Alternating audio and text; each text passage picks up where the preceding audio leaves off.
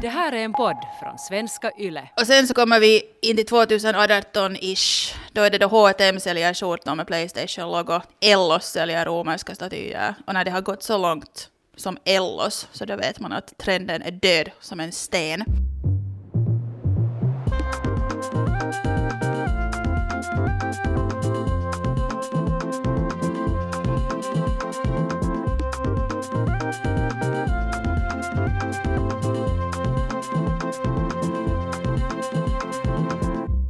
Välkommen till Sällskapet, en kulturpodd med samhällsperspektiv. Jag heter Kia Svetin och med mig har jag Ellen Strömberg och Biffen Ahonen. Välkomna. Man tackar. Tack. Ellen, vad ska du prata om idag? Jag ska presentera en levande legend för er, nämligen Patricia Reggiani. Uh. Jag ska prata om en subkultur från Mexiko som heter Cholombianos. Jag alltså blivit intresserad av den här subkulturen för det här eh, finns en film, alltså Mexikos Oscarsbidrag, som handlar om musikstilen cumbia rebajada. Mera om det här alldeles strax. Jag ska också prata om en subkultur. Jag ska berätta om uppkomsten och förfallet av vaporwave. Ellen, varsågod. Tack. Eh, nej men om ni ska prata om subkultur så ska jag väl prata om någon slags elitkultur kan man väl säga. För att eh, vi är ju som mitt inne i sådär gala-season och det brukar ju vara liksom the high season av mode och massa sådär modeögonblick och så. Men ingen röda mattan-look har liksom smält högre som modeögonblick sett än en bild som Lady Gaga la upp på, på Instagram förra veckan. Och ni kanske har sett bilden jag Ja. tänker på. Ja. Det är alltså, för den som inte har sett det, man kan ju bara googla Lady Gaga Instagram antar jag. Men det är alltså en bild av Lady Gaga och Adam Driver som då är känd som snyggast i Hollywood. Eh, från inspelningen av eh, House of Gucci-filmen som Ridley Scott håller på med nu. Jag ser så Eh, fram emot den där filmen. Plus att ja, de verkligen alltså liknar de där typerna på riktigt. Det är så sjukt bra castat. Verkligen, alltså jag tycker eh, det här är sådär, ja nej, ja, mm, ja nej jag är som så excited över det här.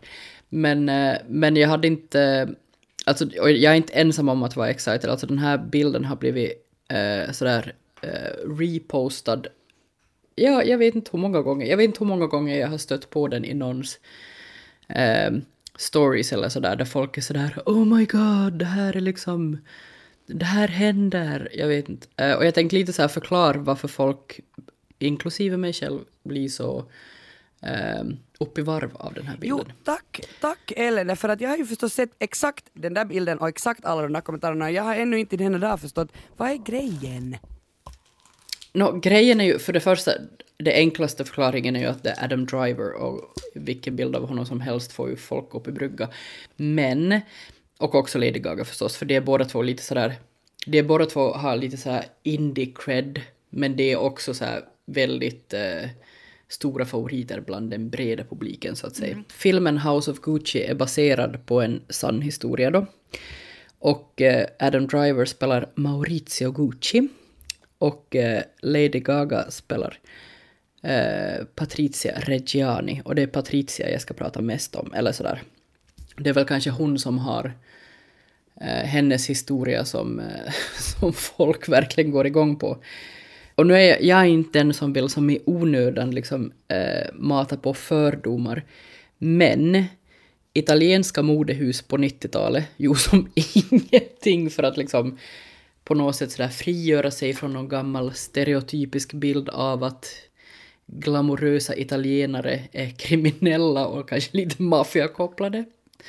Eh, det är verkligen, eh, ja, eh, den här Patricia gjorde nog verkligen sitt för att, att spä på den bilden. Alltså nu när du, Eh, pratar, han, alltså han, när du pratar om det här, Ja, jag tänker jättemycket på den där mordet på Gianni Versace som eh, kom för några Ja. år sedan. Ja, den finns på någon, någon sån här streaming-sajt.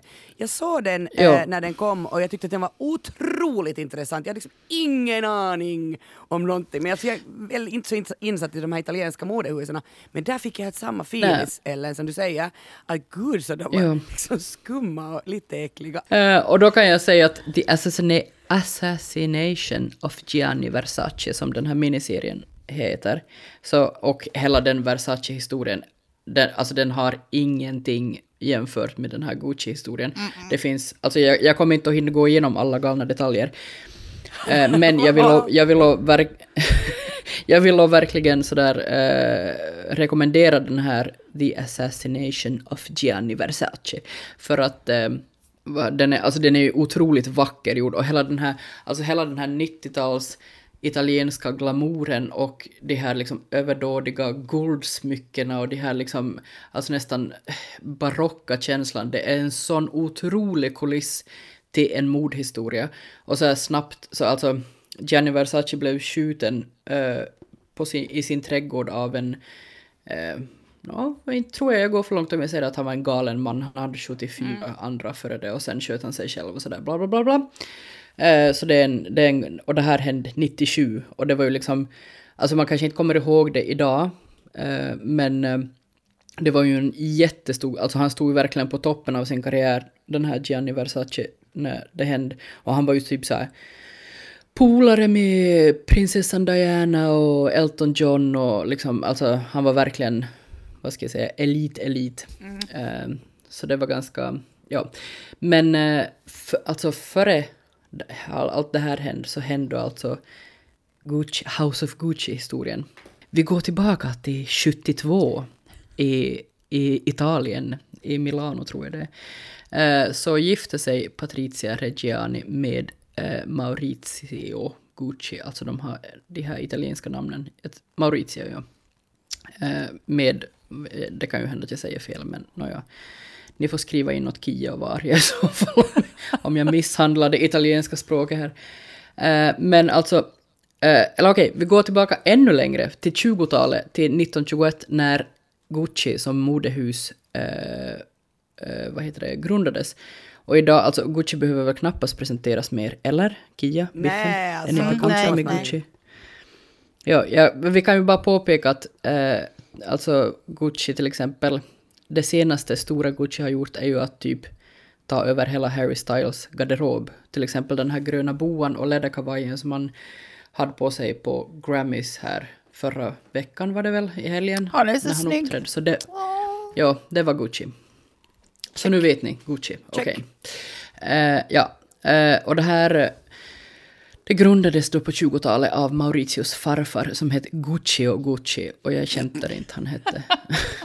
jag vet inte varför det är roligt men ja. Eh, och eh, i- på, på 70-talet då så gifte sig den här Maurizio med Patricia som var en sån här eh, societetsdam, eller hon, var inte, hon kom inte egentligen från pengar men hon hade blivit liksom uppfostrad till att liksom ta sig till pengarna eller vad man ska säga. Ah, ja, det Eh, låter ju och- fräscht. Ja. Ja.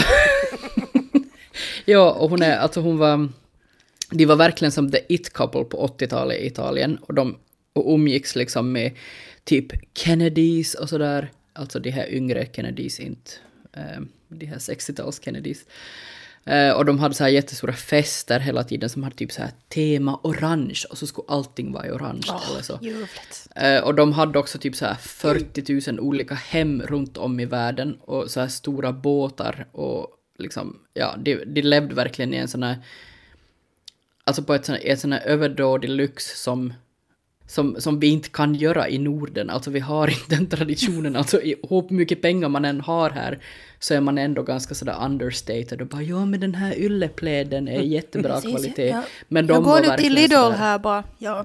Åh, men det är så härligt, Ja. det där är just liksom dekadenta och så, man skäms inte för någonting. Man bara såhär, åh, ljuvligt. Ja, men det är, alltså det är ju verkligen det. Om det är någon som är bra på det så tänker jag att det är italienare. Och det finns en sån vurm för just den här italienska 90-tals, liksom också med Dolce Gabbana och alla de här. Så att det ligger så rätt i tiden den här Ridley Scott-filmen som nu kommer att komma senare i år.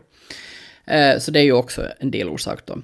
Men ja, men jag skulle ju berätta om Patricia, det var ju det. det, var ju det. Hon är ju huvudperson här. Ja, de gifte sig 72. Eh, familjen var inte så här jätteglad för det här äktenskapet, eller vissa understödde och vissa ju inte. Eh, och de hade en så här ganska, ja, de var it couple och det var väl ett ganska stormigt förhållande. Eh, och under den här tiden så, alltså för det första så var det inte helt självklart att den här Maurizio skulle ärva eh, Gucci. Eh, men han gjorde efter en rättstvist som han vann. Och, och sen så sålde, liksom bara för att börja typ sälja av det här företaget i olika så här investeringsbolag, vilket, ja, jag var ju inte där, så jag vet ju inte hur populärt det var, men man kan ju läsa mellan raderna i alla de här artiklarna. Jag har liksom dränkt mig själv i den här senaste veckan. Att det kanske inte var jättepoppis. Eh, och eh, det här pågick då ända fram till 95 när Maurizio Gucci så här mystiskt dog. Och eh, han blev alltså skjuten av en hitman, alltså en lönnmördare. Okej. Mm, vem Jo, jo, det här, alltså det här hände på riktigt. Ja, ja. ja. Och det här, var, det, det här hände alltså två år efter att han sådär hux flux från en dag till en annan hade lämnat Patricia Reggiani för en yngre kvinna kan jag då. Aj, aj, aj, aj. Så så att- att, hmm, vem månne gjorde Plus jag läste någonstans också att hon, att, att hon, hon ska ha gjort det själv men hon hade så dålig syn att hon hamnade därför att, att ta en hitman. Jo, jo, alltså det var kanske inte jättekonstigt att hon liksom ganska snabbt blev misstänkt för det här och sen också 98 blev hon dömd till 29 års fängelse. Eh, och han, hon ska då ha gjort det här för att deras två döttrar Allegra och Alessandra, förstås heter de det, eh, inte ska bli av med sitt arv för att han var väl sådär på väg att gifta sig med en annan kvinna då. För det är viktigare att ha Eh. pengar än en pappa eller vad? Ja, kanske det. Men Vem kanske vet? det i, Italien. Jag tänker på, jag såg den här Maradona-dokumentären som kanske finns på arenan nu, då när Maradona dog för någon tid sedan. Och det där, där var det ju jättemycket också 80-90-talet i Italien, men det var väldigt mycket maffia inblandat. Så jag har sådär bild av att Italien lika med maffia och det är därför det alltid också är sådär att det är någon hitman i busken. Ja, men det är också sådär, alltså jag tänker, ni ska också ha i minne att Patricia under deras äktenskap så ska hon ha lagt bland annat 8000 dollar i månaden på bara orkidéer. Alltså det är liksom på den nivån. Eh, Så att jag menar, nu kan man, nu, alltså om man är liksom van med den, med den nivån av pengar så antar jag att man kanske blir lite galen och bara såhär, nej men det här är nog ett helt rimligt beslut nu att, att hyra en, en hitman för att, för att det. skjuta. Och precis som du sa, Biffen, så hon satt alltså i fängelse i, i 26 år. Hon, ska, hon kom ut 2016, men redan 2011 så skulle hon ha fått liksom bli, vad heter det, villkorligt frigiven. Men då valde hon att inte göra det, för då skulle hon måste ta ett jobb. Och hon sa att jag har aldrig jobbat en dag i mitt liv och därför tänker jag inte börja nu heller. Alltså men hon Så måste ju vara en så obehaglig, hemsk människa liksom. Jag menar, hur- Ja, men det- alltså hon- Uh. Jo, men det är, ju det, alltså det är ju det som är så fascinerande, för hon har liksom aldrig visat någon slags varken skam eller ånger kring Nej. det här. Precis som du sa, typ en av de här första så här frågorna hon fick av någon paparazzi-fotograf när hon hade blivit frigiven, för eh, så var liksom att ja, att varför, varför gjorde det? Eller varför hyrde du en hitman? Och så var hon sådär att ja, alltså jag har för dålig syn så att jag, skulle, jag, jag vill inte ta risken att missa. Men Och det är ju alltså, som, och helt sådär, Jag tycker Ja, det låter jättecoolt. Alltså jag menar, jag måste säga att, att i alla de här förfärligheterna Blir du inspirerad? så blir jag lite inspiration, är inte ordet jag letar efter, men utan kanske mer så här, jag blir lite imponerad. Alltså, det är ju jättenice att hon går ut och säger så här 2011, äh, jag sitter nog fem år till hellre för jag vet inte hur man lagar mat. Liksom, Jo, men hon har ju också, alltså hon har ju vägrat, hon har ju aldrig kallat sig att hon har suttit i fängelse, utan hon har bara pratat om sitt, sin vistelse på det här typ resortet som då bara råkar vara ett fängelse. men, men vet ni hur Oj. det där fängelset ser ut? Nu kanske du vet det, eller? För jag tänker så här att, att då när Escobar satt i fängelse så det var ju inte som att han, han satt ju i något eget lagat vardagsrum. Men hon, nej, men hon ska nog ha liksom haft eh, någon slags kontakt med andra fångar, och för att hon hade i början så fick hon ha sin tama iller Bambi med i, i fängelsecellen, men den dog när en annan fånge satt sig på Ja. dem i misstag. Så att eh, någon slags... Eh, I misstag, eller så var hon, så, hon var så irriterande att det var så att nu dödar vi hennes illa. Det kan hända, inte. men jag tror inte att hon... hon- Alltså nu efter att hon blev eh, frigiven så en av de första sakerna hon gjorde var att köpa en papegoja som hon gick runt Mm. med i Milano och hade den på axeln. Alltså det här, ni märker ju att det här är, och det här är en människa som finns. Alltså hon lever än idag. Och hon Ja. ska ha sagt nu också att hon är lite irriterad över att Lady Gaga inte har kontaktat henne före hon ska spela henne på film, för att hon kan ju inte veta hur hon är. Hörde, Så jag det är håller liksom med. hennes... En, Jag håller med. ja, Alltså jag hörde Men ja men alltså skulle du... Skulle du Men liksom skulle du kontakta en människa? mördare? Nu när ni säger så här så alltså jag skulle antagligen kontakta den här mördaren. som sagt, jag hinner som inte gå igenom allt det här, liksom alla de här galna citaten eller de här detaljerna ur hennes liv, för att det är helt... Alltså det, det är en sån absurd historia så att det liksom överträffar allt vad någon bara kan hitta på. Alltså det är ju också en historia som har kanske sådär lagom mycket fallit i glömska sen det hände där på mitten av 90-talet. Så att liksom att det, det, jag tycker att det, det är verkligen sådär bra timing också att liksom lyfta fram det här nu.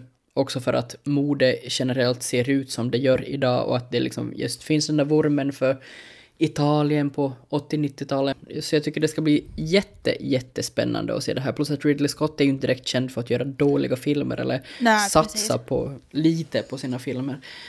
Ja, och hela den här bli- jotton passar så bra in i Guccis liksom image och hur det är att det är lite så här weirdo.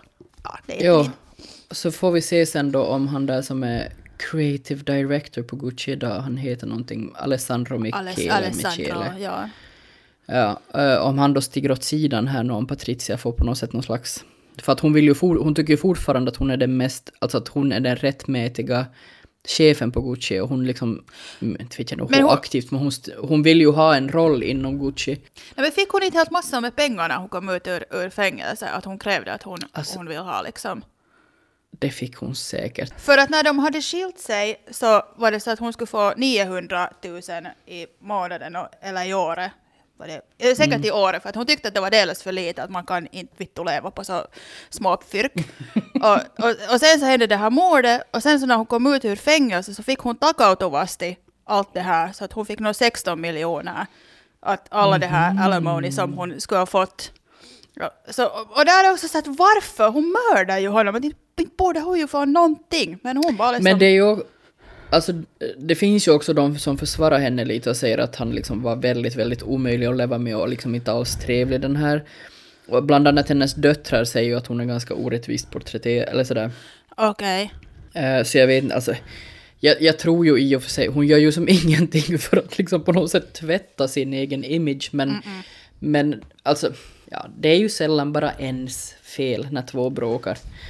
Men... Det är eh, ju det. Kloka ord. men om, men om bråket slutar i liksom att någon skjuter den ena så då kanske skulden ändå på något sätt Ja. lite förflyttas till den ena Ja, sidan. den ena har lite mera skuld i saken som hände. Men jag måste fråga, tycker ni mer om att titta på dokumentärer eh, om liksom sådana Nej men ty- ta Gucci, eh, eller, eller liksom föredrar ni sådana här eh, spelfilmer? Alltså, Jag gillar nog båda. Ja, det beror på lite på vilket humör jag är. Ibland är jag riktigt sådär, nu vill jag se en välgjord dokumentär. Men det känns också som att det har gått lite inflation i dokumentärer.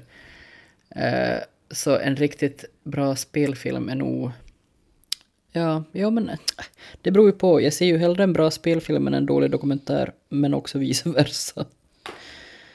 Ja, Eh, det var en så, svår men jag har, fråga. ga- Ja, men jag har ganska högt förtroende för, eh, för både Lady Gaga och Adam Driver och Ridley Scott, så jag tror att det här kan bli riktigt bra. Och när Men, är det, eh, när, jag kan- när är det premiär? I år. Jag har inte något datum, men jag hoppas att det är snart. Ja, Men och sen hoppas också- att ja. man ska slippa på bio redan då. Det där är sån film som ska vara så härlig att se på stor duk. Det ska vara på något Nå, sätt verkligen. men- Men tills dess så får vi se, se om den här Gianni Versace. Där är ju också, alltså Penelope Cruz gör ju kanske sitt livsroll som Donatella Versace i den och det, bara för det kan man riktigt bra se den. Hej, men från en film till en annan som man verkligen borde titta på på eh, en biograf är Mexikos Oscarsbidrag Jag no estoy aquí, jag är inte längre här. Den gick sen inte vidare till, till, till Oscars, ni vet de där fem sista som har en chans att faktiskt vinna. Men jag såg den här filmen för några veckor sedan jag tänker fråga, den ligger ju på Netflix, har någon av er sett den? Jag såg har den faktiskt Netflix igår. för tillfälle. Bra, eh, ena har sitt, andra har inte, men det är väldigt bra. Ställ alla frågor eh, ni har. För att jag försöker kunna svara. Jag har gjort en gedigen research om filmen. Men jag ska börja med att säga att jag älskar alltså Mexiko. Jag älskar musikstilen cumbia. Och jag visste ingenting om det som jag kommer att berätta om nu. Men älskar du alltså Cumbia före du såg den här filmen? Jo, Okej, pratar du alltså spanska Kia? Jo. Är det det du vill sitta och skryta om här? Ja, okej. Jag sa Bra, det så. men det, vi, jag har bott i vi Mexiko. återkommer till det. Men Ah, känner, ni till, känner ni till cumbia? Nej. Eh, nu gör jag. Nu gör du. Ja, det, är så här, det har inte gått alltså faktiskt en dag utan att jag har tänkt på den här filmen och vad den ville. Och då har jag funderat så här, eller kanske vad den, ville den mig någonting? Vi tar helt kort. Jano Estoyaki, jag är inte längre här, handlar om 17-åriga Ulises. Han bor i Monterrey i norra Mexiko. Och Monterrey är alltså ökänt för sina superbrutala kriminella gäng. Det här är ju alltså för att stan ligger Staden Monterrey ligger helt för nära Mexi- äh, gränsen mellan Mexiko och USA vilket gör att knarkkungar, drogkarteller, och mord och våld är vardag. Men mm. Monterrey är också känd för en annan sak som jag inte visste så mycket om, nämligen cumbia rebajada, alltså nedsaktad cumbia. Jag återkommer till, strax till det här. Eh, men 17-åriga Ulises och hans vänner, så de är inte eh, del av den här gängkriminaliteten som Monterrey då är superökända för det, och det är det som jag tycker är så intressant i den här filmen. Alltså, tekniskt sett så, så har Ulises också en lit, ett litet gäng. De kallar sig Los Tercos.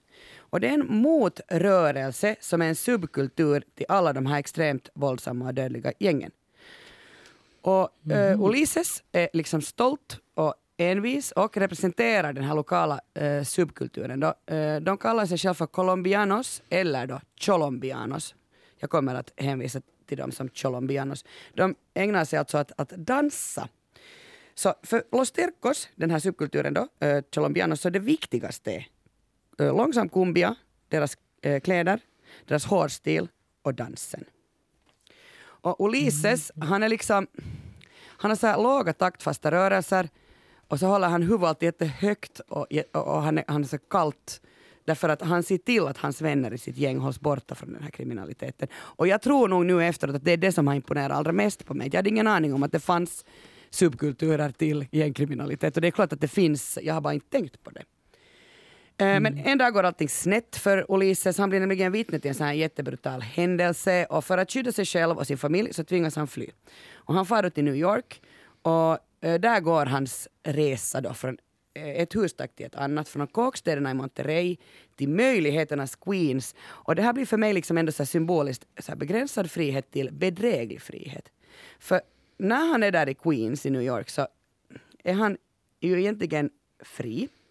Men är man mera fri i ett land där man känner sig instängd, när han inte kan språket, han kan inte kulturen, han kan inte koderna, han har inget sammanhang.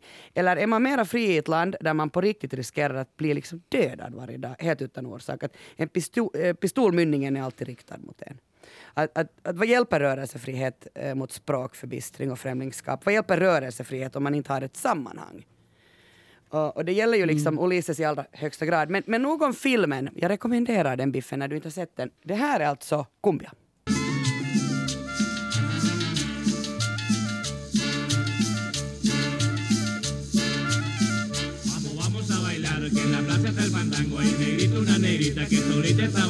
Nej, ni skulle se hur jag dansar här. Cumbia är alltså ah. en musikstil som alltså ursprungligen kommer från Colombia. Och, och, det är en, ett resultat av blandningen mellan mol, många olika kulturer som funnits i Latinamerika. Alltså det låter så ljuvligt, jag vill bara sitta i trädgården och dricka rosévin och lyssna på det där. Oh. Jag blir så glad av den här musiken. No, ja, men eh, cumbia rebajada, det är det som alltså den här eh, eh, Jano Estoyaki handlar om.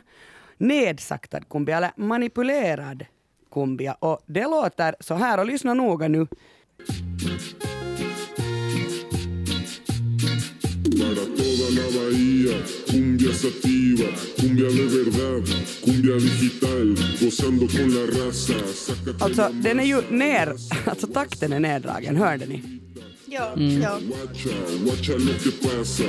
No, huha. Där, är det, där är det inte mer rosévin som gäller kan jag säga. Nej, det är något annat. Det, det är något... Fast jag gillar nästan det här andra bättre.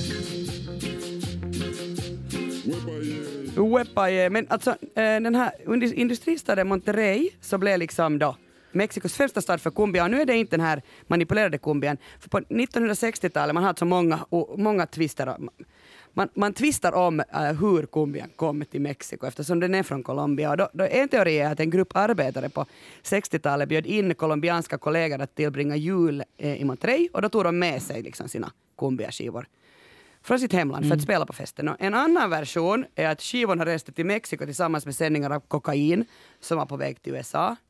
Den tror jag på. Eh, men det som man alltså tror att är den där helt sanna och, och liksom mest, eh, eh, nej, mest sanna teorin, också den mest tråkiga, är förstås att lokala DJs från Monterrey for till, till DF, alltså Mexico City, och sen köpte de de här skivorna och sen kom de tillbaka hem till Monterrey och så började man spela dem. Men den här nedsaktade kumbian då, no, den blev till av ett misstag. Det finns alltså eh, sådana Vice-dokumentärer om, kum, om så här nedsaktad kumbia och om Colombianos. Eh, jag sätter dem förstås alla i, i vår där referenslista på arenan.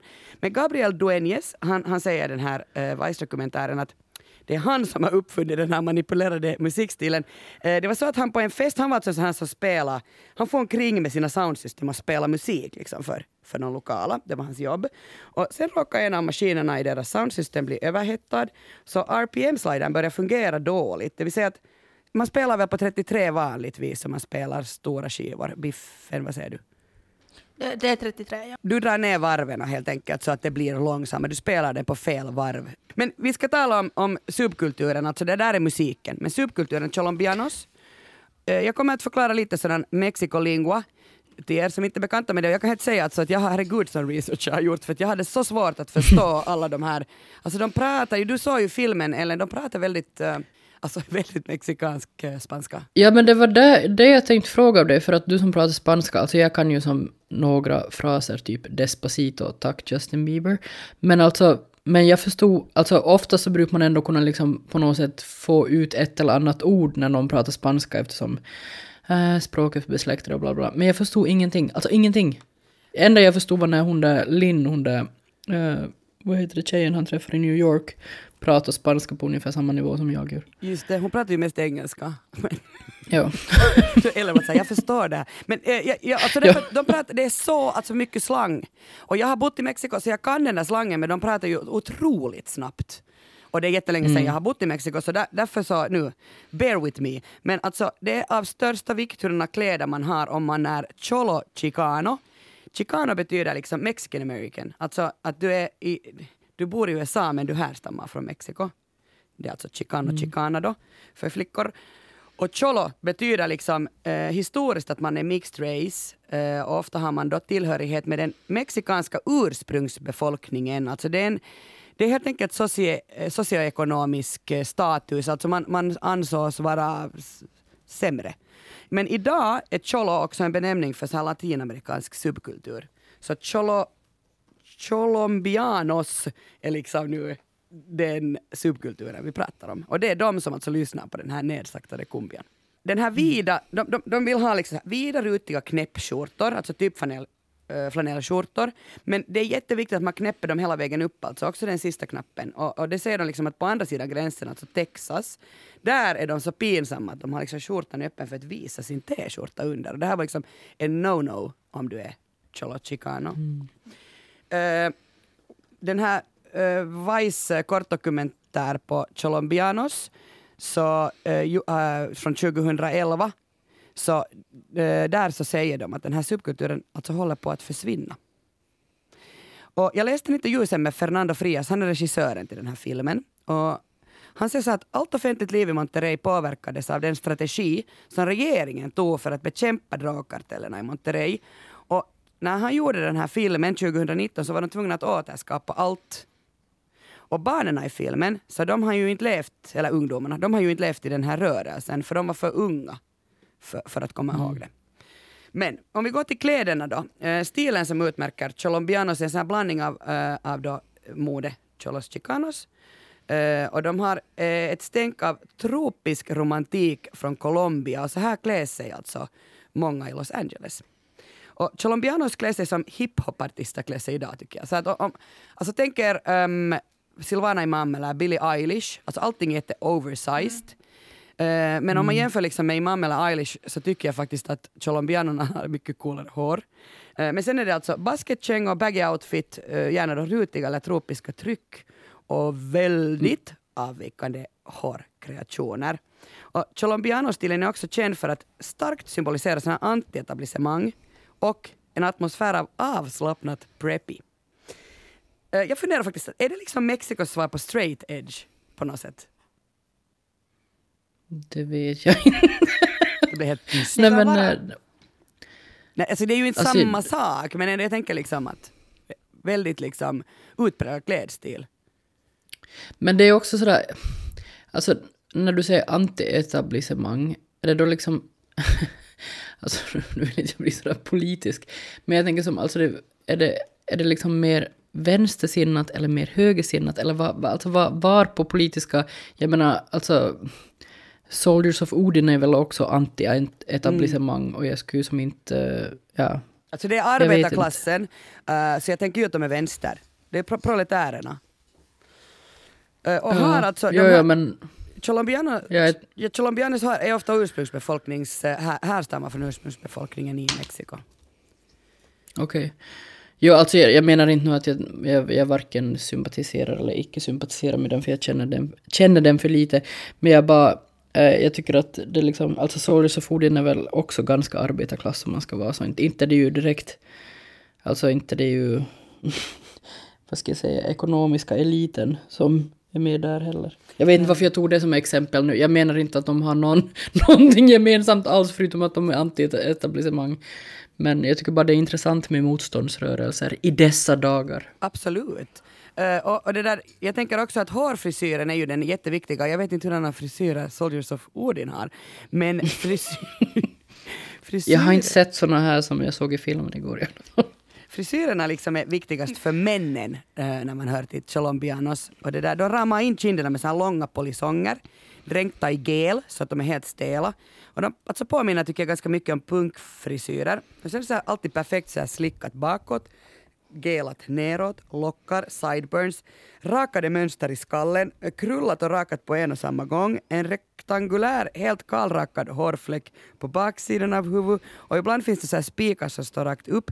Ibland finns det en pannlugg som är uppdelad i så små sektioner så att det ser ut som en kam. Det är liksom som ett tidskrävande test av tålamod och konst. Ja, verkligen. Så vem orkar hålla på med sånt här? Respekt för det. Ja, det, det är jätteviktigt för dem och några använder liksom Jag har inte borstat håret på liksom fyra dagar. Colombianon, eh, biffen från Borgo. Några av de här använder alltså som accessory ännu en sån här keps eller hatt och den ska alltid balansera lite snett och obekvämt på den här fantastiska hårkreationen. Eh, och Ulises, alltså huvudpersonen i filmen, han har helt kort klippt i nacken och sen har han långa polisonger som ramar in hans ansikte. Håret är blekt och har fått en sån här gul, alltså nästan bärnstensfärgad eh, nyans i topparna. Och det där, I den här Vice-dokumentären jag såg eh, om de här colombianos så sa en colombiano att den dagen han väljer att laga den här frisyren, som alltså tar ganska länge att göra, så blir han nästan varje gång alltså till, fasttagen av polisen för att de tycker att han ser misstänksam ut. Och att liksom på trottoaren ser han att folk byter sida när de kommer emot och ingen vill sitta bredvid honom i bussen. De tror alltså att det de här människorna tillhör ett kriminellt gäng och jag tänker att det måste ju vara det som var den största orsaken att den här subkulturen försvann för man gick med så hårda tag mot de kriminella grupperna och det här var ju liksom en grupp som inte var kriminell men de drogs under samma kam. På något sätt. Eh, Okej, Det är som såna good skinheads. Nu är det är ju som, eh, vad heter det? ja. Ja, många tror ju att alla skinheads är nazister, men så är det ju verkligen inte. De är, liksom, de, är, de är bara väldigt stolta över sin subkultur och det viktigaste för dem är, är liksom hår, och dans och kläder. Uh, och förstås musiken. Men hej, personer som korsar landsgränser tycks rimligt nog bli ganska vanlig utgångspunkt inom fiktionen. Och jag tycker det är jättebra, för då lär vi oss. Jag menar, just nu rör väl sig en sån här jättestor folkmängd eh, migranter från Centralamerika mot USAs gräns. Och, och det där, när jag läste den här intervjun då med, med Fernando Frias, regissören till filmen, så säger han själv så att, att kärnan i filmen är den här långsamma kumbian. Det är alltså en, han har en idé om att den spelar eh, den spelar en eh, para, parallell eh, till idén om att inte ha möjligheter och inte ha social rörlighet uppåt i ett samhälle som i Mexiko. Alltså brist på möjligheter är normen. Generation efter generation. Men om du saktar ner kumbian, och det var meningen att den skulle vara fem minuter lång den här låten, och du saktar ner den så blir den kanske 12 minuter eller 15 minuter. Och då kan du hålla fast vid den ett ögonblick lite, liksom, lite, lite längre. Och den här Ulises han säger också i, i filmen när någon frågar av honom, en, en colombian frågar att varför tycker du att det är så bra när det liksom är nedsaktat? Då säger han långsamt är bättre. Och eftersom du vet att det inte kommer något bättre efter det här, du vill bara fortsätta att dansa, du vill bara hålla fast vid det där gyllene ögonblicket. Och, och det där, den här filmen är alltså så otroligt vackert filmad och den gör rättvisa åt Mexikos de här drömlika landskapen. Och där, den där vardagliga coolheten, den vandrar runt så här som ni vet som mm. sådana här skelett på Dia de los Muertos och knackar på dörren. Mm. Eh, det är också så jättebefriande att den här filmen avstår från sådana känslomässigt imponerande dansnummer. Istället så skildras det sån här färgsprakande dans med mycket nedtonat och ibland på ganska långt avstånd. Jag kommer ihåg när jag såg den att jag var sådär, ah, jag vill se när han dansar hela han, men man kunde bara se kanske ibland en del av hans kropp när han dansar. Och jag tycker att det talar för en film som tar sin huvudperson och den här kulturen han bär i sig på, på det där fullt allvar. Och det finns en scen i den här filmen när Ulysses han, han bara dansar och dansar och dansar. Och jag jag bara stirrar och stirrar och stirrar. När jag liksom sitter där och stirrar på den, där, den här dansen som man håller på med så blir jag liksom jag blir till slut helt supernärvarande i den där filmsekvensen och jag tycker på något sätt att nu blir hans livserfarenhet min. Och jag tycker det är väl så här en film som, är, som vill in på djupet ska fungera.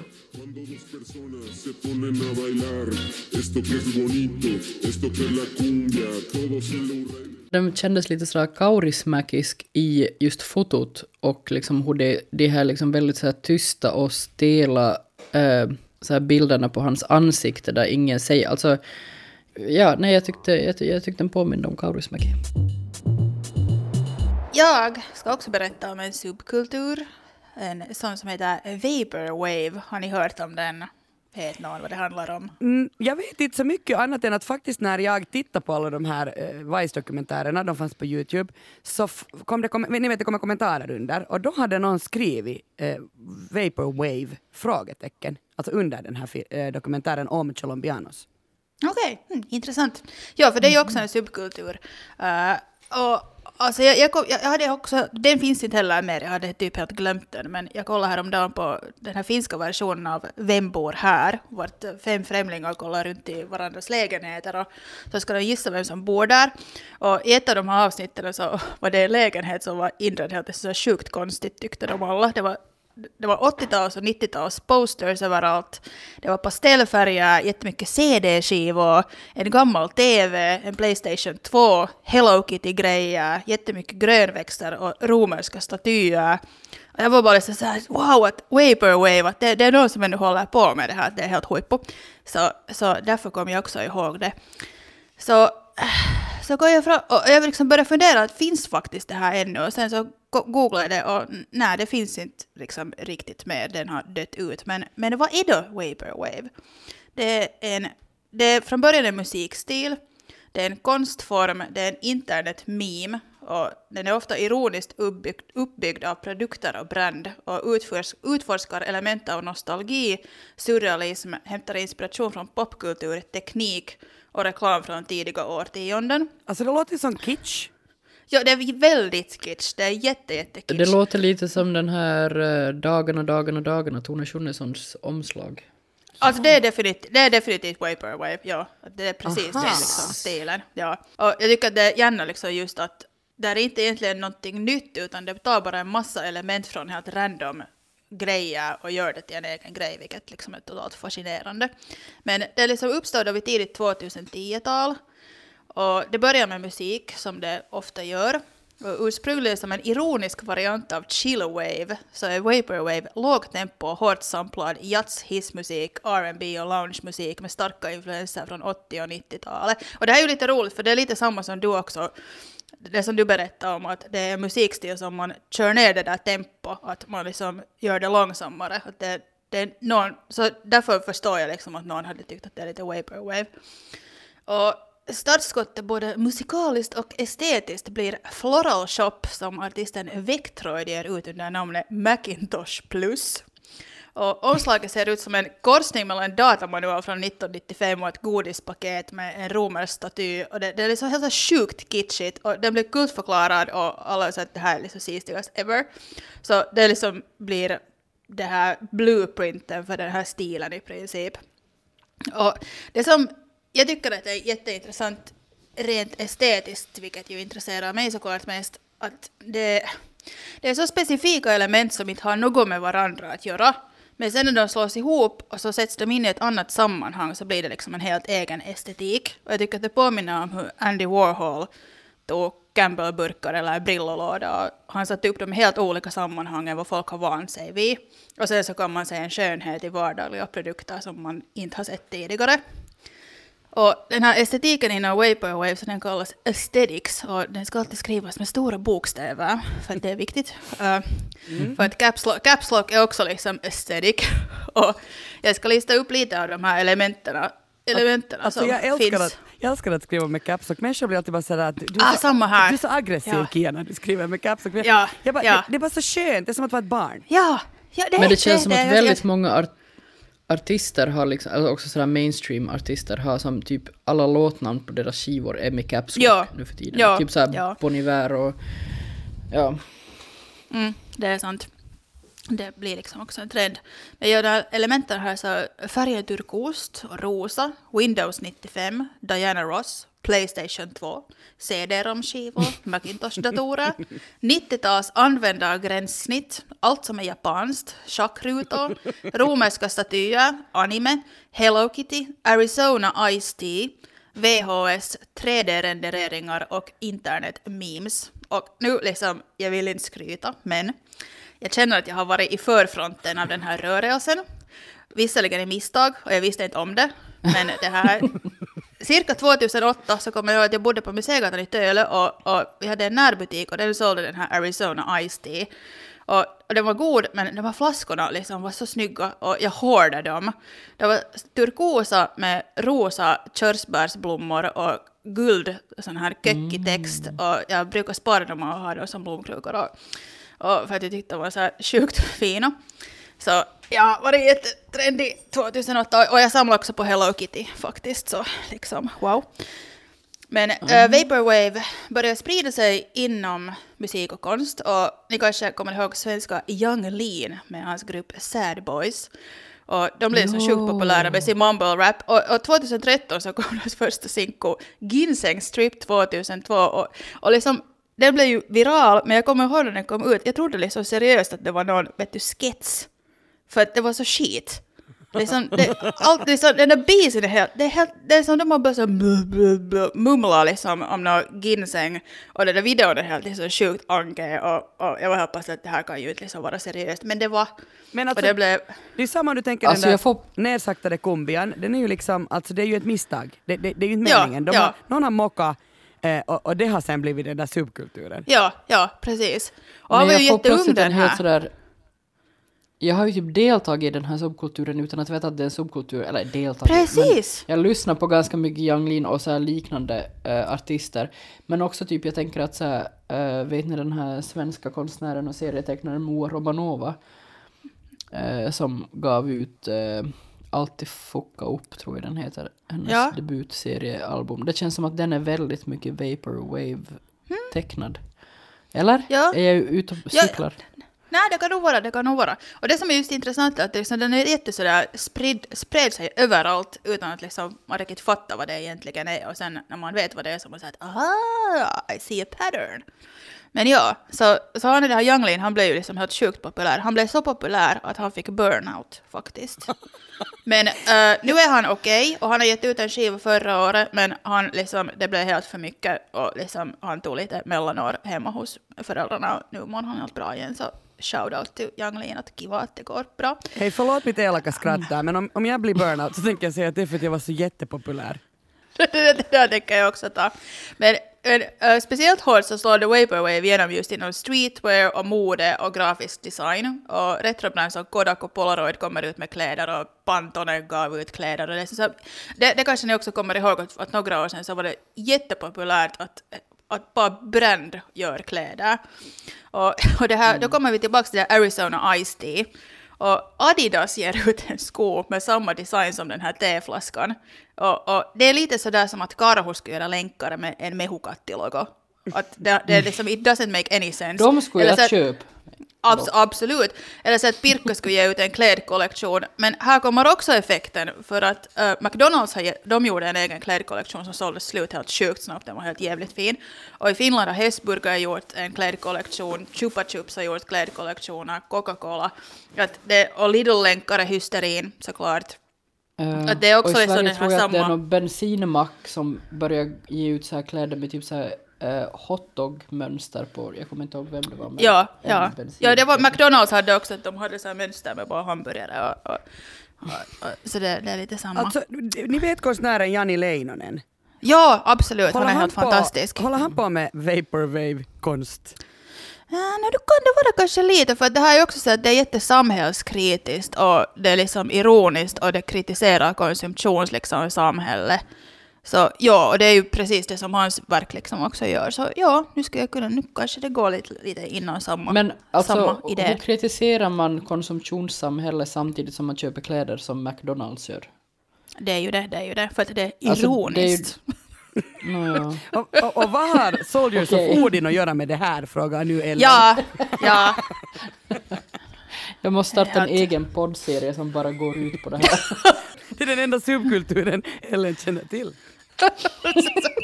Kiva. Men så bor jag ju i Österbotten också. Ja, det är ju Grattis det. Det är alla det. nylänningar, där fick ni ett Österbottenskämt. Det bjuder jag på. Ja, det var inte jag som sa det. Oj, oj. Men anyway, så nu Vaporwave är helt mainstream. Det plockas upp av MTV, den plockas upp av Tumblr. Rihanna använder sig av estetiken i sin performance av Diamonds i Saturday Night Live. Drakes video Hotline Bling tar konstnärlig inspiration från Vaporwave. Och sen Kanye Wests album The Life of Pablo kallas för Brutally Simple Vaporwave Aesthetic av kritiker. Och vad händer åt en subkultur när den kommer in i mainstreamen? Den dör! För att samtidigt som estetiken är överallt så har den här musikstilen Vaporwave inte riktigt lyckats få en lika stor spridning utan den verkar förfalla och som sagt Young Lin fick burnout. Uh, och sen så kommer vi in till 2018-ish. Då är det då H&M säljer skjortor med Playstation-logo. Ellos säljer romerska statyer. Och när det har gått så långt som Ellos så då vet man att trenden är död som en sten. Uh, men det finns alltid några som blir kvar. Om man tänker på punkare och hippin och goths så, och vaporwave så subkulturer som slukades upp av mainstreamen och spottades ut. Men i Vallgård bor en glad 22-årig underskötare i sin Aesthetics etta med sin Hello Kitty-telefon och Saint Pepsi i CD-spelaren. Det var vaporwave. Ah, vad ljuvligt! Nu, nu, kan, nu kan ni börja bonga liksom allt, att var, vart det finns de här elementen. Och, och hur, hur, liksom, hur påverkar vaporwave er vardag? Eh, när säger man liksom att vaporwave då dog? Alltså för hur många år sedan? När Ungefär mainstream? 2000, 2018, så det är just liksom när Okej. det börjar poppa upp i H&M så då vet man liksom att nu spring. Just det. Ja, men jag är jättetacksam över det här, för nu har jag ju som fått ett namn på en estetik som jag ändå liksom har noterat, men inte riktigt, ja. Ja. Ja, Men, men, men fråga, blir det inte, är inte besvärligt alltså? Betyder det inte just det att det är mainstream därför att ni har ni har, ni, ni, vi, jag har väl säkert också vaporwave-subkultur, kulturella liksom referenser i mig. Men alltså att jag inte har vetat om det därför att det är så mainstream, eller? mm, ja, jag skulle säga att just för att det har blivit, det, det är liksom vissa element som man ännu också ser. Just det med romerska statyer och, och, och hur man kombinerar och japansk text och sånt här. Att det, ja. att det, att det finns ju liksom ännu nog en ganska aktiv grupp på Facebook till exempel som alltid postar liksom the vaporwave, men det har blivit mindre och mindre. Det, men det är ju det som är intressant med subkulturer, att, att just liksom punken tycker jag är lite samma sak, att, att det är jättelitet, jättelitet, sen exploderar det överallt, sen dör det ut, men vissa element blir ändå kvar. Att, att punk, du vet ju liksom specifikt att vilka element och vilken typografi, vilka färger, vilken stil är punk. Så det är lite samma sak, det blir liksom någonting som blir kvar och linger. Och vet ni när, när, när liksom subkulturer går in i varandra, eller jag tänker på det där nu, jag kan inte släppa det här med, med det där anti-etablissemanget och, och, och din fråga Ellen, att vad är skillnaden mellan liksom Soldiers of Odin, alltså högerextrema grupper, och till exempel Alltså jag förstår ju vad skillnaden är. Nej men lyssna på det här, alltså Ja. eh, ni vet eh, Proud Boys, jag menar han, hur, hur, hur de är Ja. klädda, eller de där, de där som klär sig i de här hawaiikläderna. Mm. Men alltså har inte det här Fred Perry-märket, de har ju gått helt ut och sagt att de har ingenting med Proud Boys att göra, att de har försökt, att fast de klär sig i Fred Perry, så de, de vill ju inte sälja de där kläderna åt dem. Nej men ja, vad men kan det de göra? känns som att det känns som att ganska många sådana alltså så här anti-etablissemang, alltså det känns som att Nej, jag vet, jag vet inte om jag orkar gå in på det här desto mer, men jag tänker bara att väldigt många sådana här subkulturer som idag är ganska sådär aktiva känns som att de är mer högerinriktade än vad subkulturer var på till exempel 90-talet eller redan början av 2000-talet. Men, Eller men traditionellt. Colombianos är ju från 00-talet, tänker jag, liksom att, att 00 till kanske ja. 2010. Och Vaporwave då, är, liksom det 2010 till 2018 ungefär. Jo, det är ju helt en Men det kä- internet liksom kultur. Ja. Är jag helt fel ute också om jag säger att typ att vad Vivienne Westwood, om jag då får igen återgå till mitt favoritämne mode, medan jag sitter här i mina tights. Eh, vad heter det? Vad Vivienne Westwood är för punken så är typ det här franska märket som jag inte kan uttala men som stavas Vetements. Eh, är för Ja. Vaporwave. Det känns som att Ja, ja, det, De är de de, ja definitivt. Och det där är just liksom att, att vet du, Mans, de har ju också det här, så här liksom fulsnygg estetik. Och just att Mm. de säljer typ en t-skjorta med Titanic-tryck, liksom den filmen Titanic, och den ser ut att det skulle vara helt maläten, men sen så kostar den 800 Mm. euro. Att, ja, och så har Celine Dion på sig den på en paparazzi-bild. Och så- exakt, exakt. Med det här hjärthalsbandet från, från filmen som de Ja. också gav ut. Och, åh, grr. Hon är så mager nu för tiden. Hon borde, någon borde ge en broiler åt henne. Tack eh, Ellen, tack Biffen för sällskapet. Tack! Tack Kia! Vi för gärna dialog med våra lyssnare. Skriv till oss på saltskapet.yle.fi. Alla referenser hittar du i avsnittsbeskrivningen på arenan. Vi hörs. Hej då!